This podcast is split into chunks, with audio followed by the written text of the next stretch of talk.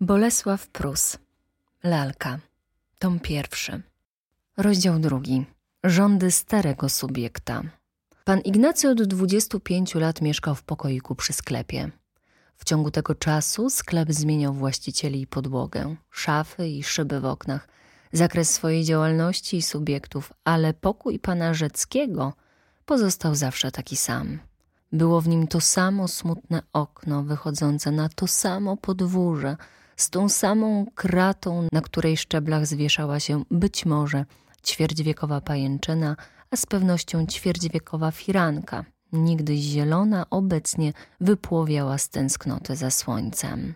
Pod oknem stał ten sam czarny stół obity suknem, także niegdyś zielonym, dziś tylko poplamionym.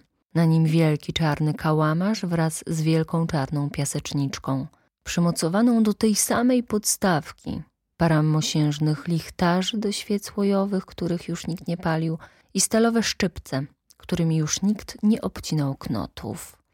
Żelazne łóżko z bardzo cienkim materacem, nad nim nigdy nie używana dubeltówka, pod nim pudło z gitarą, przypominające dziecinną trumienkę, wąska kanapka obita skórą, dwa krzesła również skórą obite, duża blaszana miednica i mała szafa ciemnowiśniowej barwy stanowiły umeblowanie pokoju, który ze względu na swoją długość i mrok w nim panujący zdawał się być podobniejszym do grobu aniżeli do mieszkania. Równie jak pokój, nie zmieniły się od ćwierć wieku zwyczaje pana Ignacego.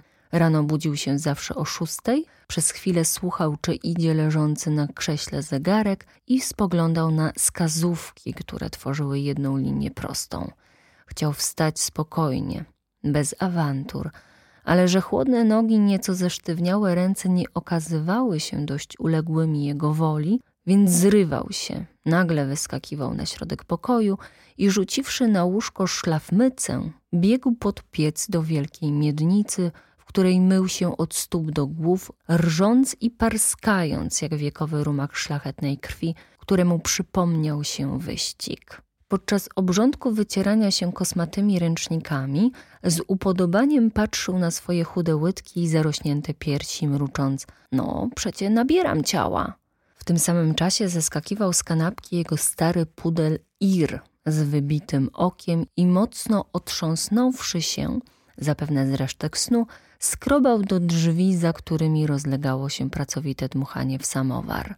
Pan Rzecki, wciąż ubierając się z pośpiechem, wypuszczał psa, mówił dzień dobry służącemu, wydobywał z szafy imbryk, mylił się przy zapinaniu mankietów, biegł na podwórze zobaczyć stan pogody, parzył się gorącą herbatą, czesał się nie patrząc w lustro i o wpół do siódmej był gotów. Obejrzawszy się, czy ma krawat na szyi, a zegarek i porponetkę w kieszeniach, pan Ignacy wydobywał ze stolika wielki klucz i trochę zgarbiony uroczyście otwierał tylne drzwi sklepu obite żelazną blachą. Wchodzili tam obaj ze służącym, zapalali parę płomyków gazu i podczas gdy służący zamiatał podłogę, pan Ignacy odczytywał przez binokle ze swego notatnika rozkład zajęć na dzień dzisiejszy.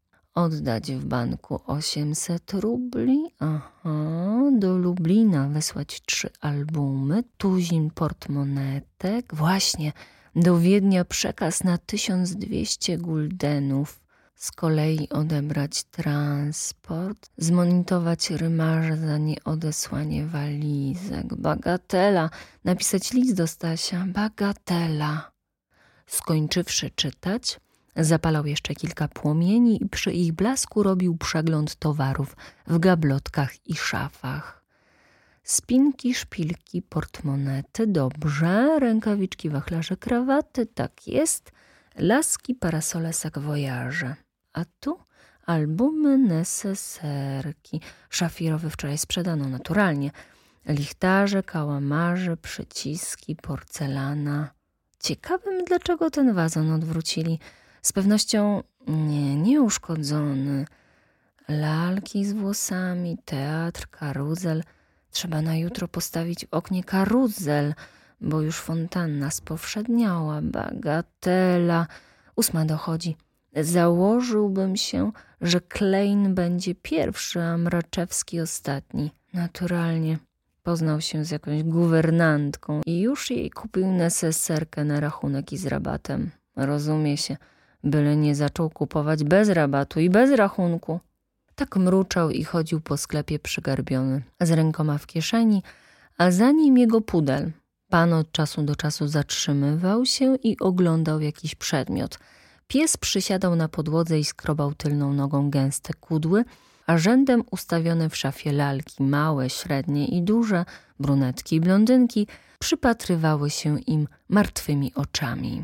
Drzwi od sieni skrzypnęły i ukazał się pan Klein, mizerny subiekt ze smutnym uśmiechem na posiniałych ustach. A co? Byłem pewny, że pan przyjdziesz pierwszy. Dzień dobry, rzekł pan Ignacy. Paweł, gaś światło i otwieraj sklep. Służący wbiegł ciężkim kłusem i zakręcił gaz. Po chwili rozległo się zgrzytanie ryglów, szczękanie sztab i do sklepu wszedł dzień. Jedyny gość, który nigdy nie zawodzi kupca. Rzecki usiadł przy kantorku pod oknem. Klein stanął na zwykłym miejscu przy porcelanie. Pryncypał jeszcze nie wraca? Nie miał pan listu? spytał Klein. Spodziewam się go w połowie marca, najdalej za miesiąc. Jeżeli go nie zatrzyma nowa wojna.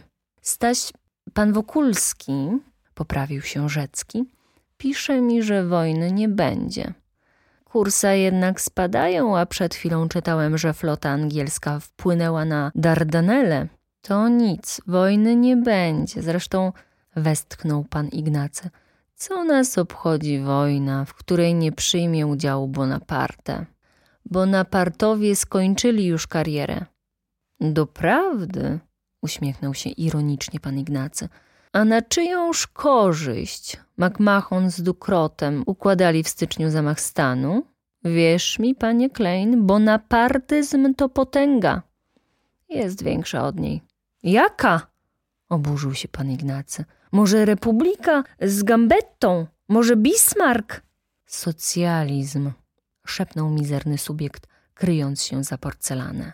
Pan Ignacy mocniej zasadził binokle i podniósł się na swym fotelu, jakby pragnąc jednym zamachem obalić nową teorię, która przeciwstawiała się jego poglądom, lecz poplątało mu szyki wejście drugiego subiekta z brodą. A moje uszanowanie panu Lisieckiemu? Zwrócił się do przybyłego. Zimny dzień mamy, prawda? Która też godzina w mieście, bo mój zegarek musi się spieszyć. Jeszcze chyba nie ma kwadransa na dziewiątą. Także koncept. Pański zegarek zawsze spieszy się z rana, a później wieczorem, odparł cierpko Lisiecki, ocierając szronem pokryte wąsy. Założę się, żeś pan był wczoraj na preferansie. Ma się widzieć. Cóż pan myśli, że mi całą dobę wystarczy widok waszych galanterii i pańskiej siwizny? No, mój panie, wolę być trochę szpakowatym, aniżeli łysym. Obruszył się pan Ignacy. Koncept, syknął pan Lisiecki. Moja łysina, jeżeli ją kto dojrzy, jest smutnym dziedzictwem rodu, ale pańska siwizna i gderliwy charakter są owocami starości, którą chciałbym szanować. Do sklepu wszedł pierwszy gość. Kobieta ubrana w salopę i chustkę na głowie, żądająca mosiężnej spluwaczki. Pan Ignacy bardzo nisko ukłonił się jej i ofiarował krzesło, a pan Lisiecki zniknął za szafami i wróciwszy po chwili doręczył interesantce ruchem pełnym godności żądany przedmiot.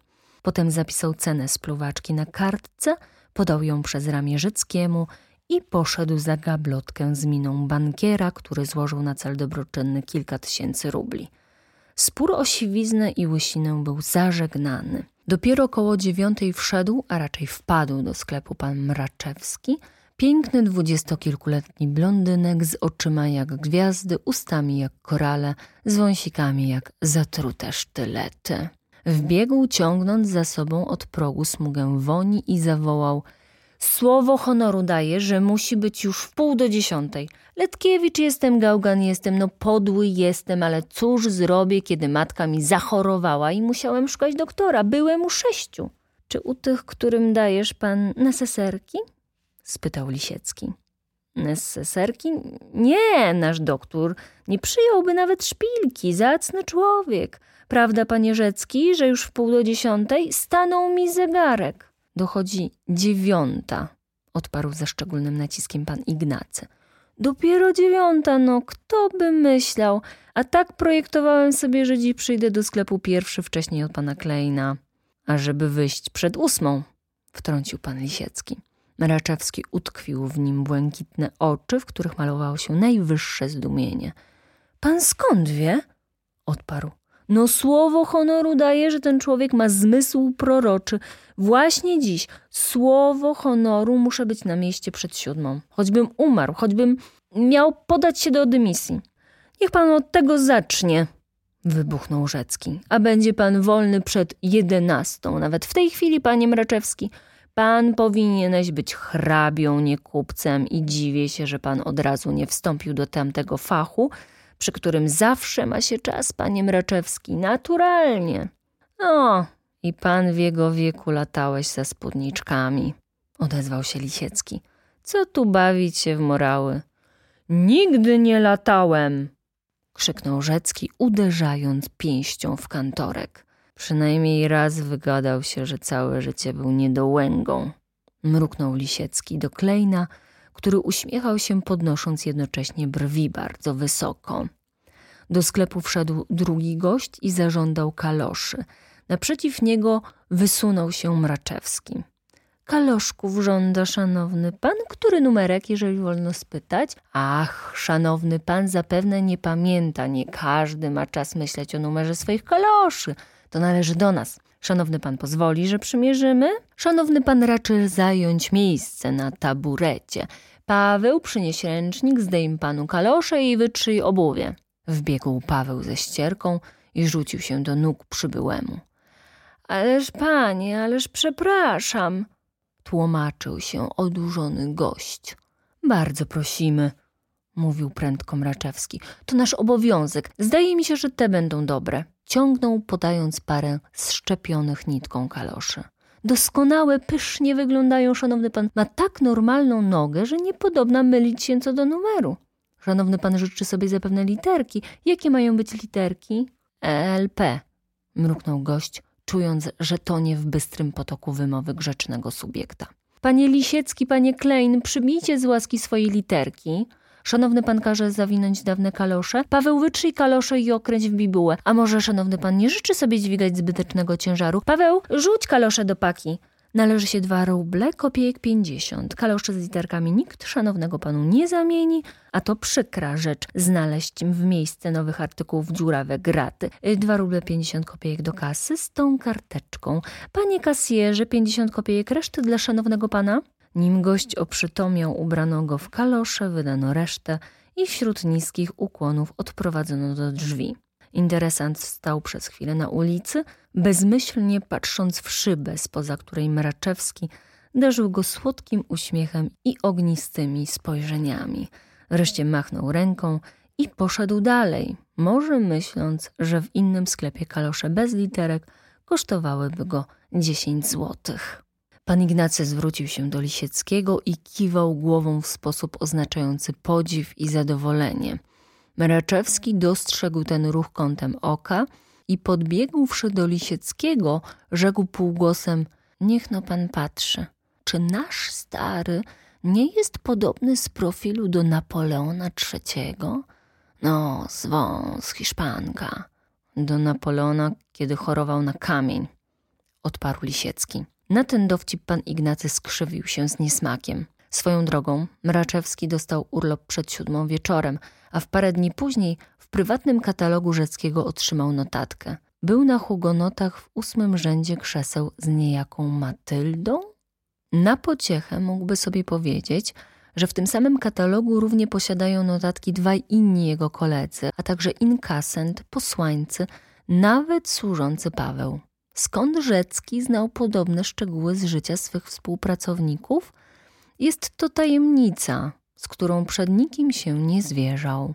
Około pierwszej w południe Pan Ignacy, zdawszy kasę Lisieckiemu, któremu pomimo ciągłych sporów ufał najbardziej, wymykał się do swojego pokoiku, ażeby zjeść obiad przyniesiony z restauracji. Współcześnie z nim chodził Klein i wracał do sklepu o drugiej. Potem obaj z Rzeckim zostawali w sklepie, a Lisiecki i Mraczewski szli na obiad. O trzeciej znowu wszyscy byli na miejscu. O ósmej wieczór zamykano sklep. Subiekci rozchodzili się i zostawał tylko Rzecki. Robił dzienny rachunek, sprawdzał kasę, układał plan czynności na jutro i przypominał sobie, czy zrobiono wszystko, co wypadało na dziś. Każdą zaniedbaną sprawę opłacał długą bezsennością i smętnymi marzeniami na temat ruiny sklepu, stanowczego upadku Napoleonidów i tego, że wszystkie nadzieje, jakie miał w życiu, były tylko głupstwem. Nic nie będzie. Giniemy bez ratunku. Wzdychał, przewracając się na twardej pościeli. Jeżeli dzień udał się dobrze, pan Ignacy był kontent.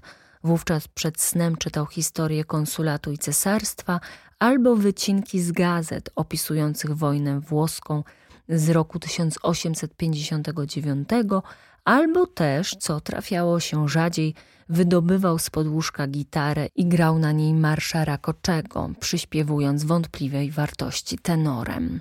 Potem śniły mu się obszerne węgierskie równiny, granatowe i białe linie wojsk przysłoniętych chmurą dymu. Nazajutrz miewał posępny humor i skarżył się na ból głowy. Do przyjemniejszych dni należała u niego niedziela. Wówczas bowiem obmyślał i wykonywał plan wystaw okiennych na cały tydzień.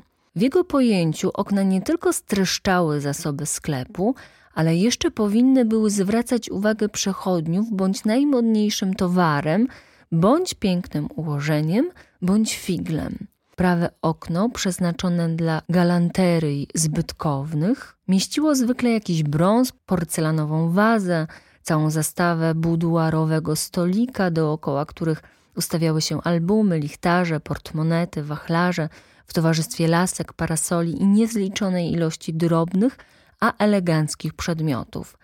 W lewym znowu oknie, napełnionym okazami krawatów, rękawiczek, kaloszy i perfum, miejsce środkowe zajmowały zabawki, najczęściej poruszające się. Niekiedy podczas tych samotnych zajęć w starym subiekcie budziło się dziecko. Wydobywał wtedy i ustawiał na stole wszystkie mechaniczne cacka. Był tam niedźwiedź wdrapujący się na słup, był piejący kogut, mysz, która biegała, pociąg, który toczył się po szynach, cyrkowy pajac, który cwałował na koniu, dźwigając drugiego pajaca i kilka par, które tańczyły walca przy dźwiękach niewyraźnej muzyki.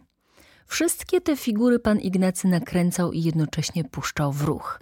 A gdy kogut zaczął piać, łopocząc sztywnymi skrzydłami, gdy tańczyły martwe pary, co chwilę potykając się i zatrzymując, gdy ołowiani pasażerowie pociągu jadącego bez celu zaczęli przypatrywać mu się ze zdziwieniem i gdy cały ten świat lalek przy drgającym świetle gazu nabrał jakiegoś fantastycznego życia, stary subiekt podparłszy się łokciami śmiał się cicho i mruczał. Dokąd wy jedziecie, podróżni? Dlaczego narażasz kark, akrobato? Co wam po uściskach, tancerze? Wykręcą się sprężyny i pójdziecie na powrót do szafy. Głupstwo, wszystko głupstwo. A wam, gdybyście myśleli, mogłoby się zdawać, że to jest coś wielkiego. Po takich i tym podobnych monologach szybko składał zabawki i rozdrażniony chodził po pustym sklepie, a za nim jego brudny pies. Głupstwo handel, głupstwo polityka, głupstwo podróż do Turcji, głupstwo całe życie, którego początku nie pamiętamy, końca nie znamy. Gdzież prawda? Ponieważ tego rodzaju zdania wypowiadał niekiedy głośno i publicznie, więc uważano go za bzika, a poważne damy, mające córki na wydaniu, nieraz mówiły – oto do czego prowadzi mężczyznę staro kawalerstwo. Z domu pan Ignacy wychodził rzadko i na krótko i zwykle kręcił się po ulicach, na których mieszkali jego koledzy albo oficjaliści sklepu. Wówczas jego ciemnozielona algierka lub tabaczkowy surdut, popielate spodnie z czarnym lampasem i wypłowiały cylinder, nade wszystko zaś jego nieśmiałe zachowanie się zwracały powszechną uwagę. Pan Ignacy wiedział to i coraz bardziej zniechęcał się do spacerów. Wolał przy święcie kłaść się na łóżku i całymi godzinami patrzeć w swoje zakratowane okno, za którym widać było szary mur sąsiedniego domu, ozdobiony jednym jedynym, również zakratowanym oknem, gdzie czasami stał garnczek masła albo wisiały zwłoki zająca. Lecz im mniej wychodził, tym częściej marzył o jakiejś dalekiej podróży na wieś lub za granicę. Coraz częściej spotykał we snach zielone pola i ciemne bory, po których błąkałby się, przypominając sobie młode czasy. Powoli zbudziła się w nim głucha tęsknota do tych krajobrazów, więc postanowił natychmiast po powrocie Wokulskiego wyjechać gdzieś na całe lato, choć raz przed śmiercią, ale na kilka miesięcy. Mówił kolegom, którzy nie wiadomo dlaczego uśmiechali się z tych projektów. Dobrowolnie odcięty od natury i ludzi, utopiony w wartkim, ale ciasnym wirze sklepowych interesów, czuł coraz mocniej potrzebę wymiany myśli. A ponieważ jednym nie ufał, inni go nie chcieli słuchać, a Wokulskiego nie było, więc rozmawiał sam ze sobą i w największym sekrecie pisywał pamiętnik. Koniec rozdziału drugiego. Ciąg dalszy nastąpi.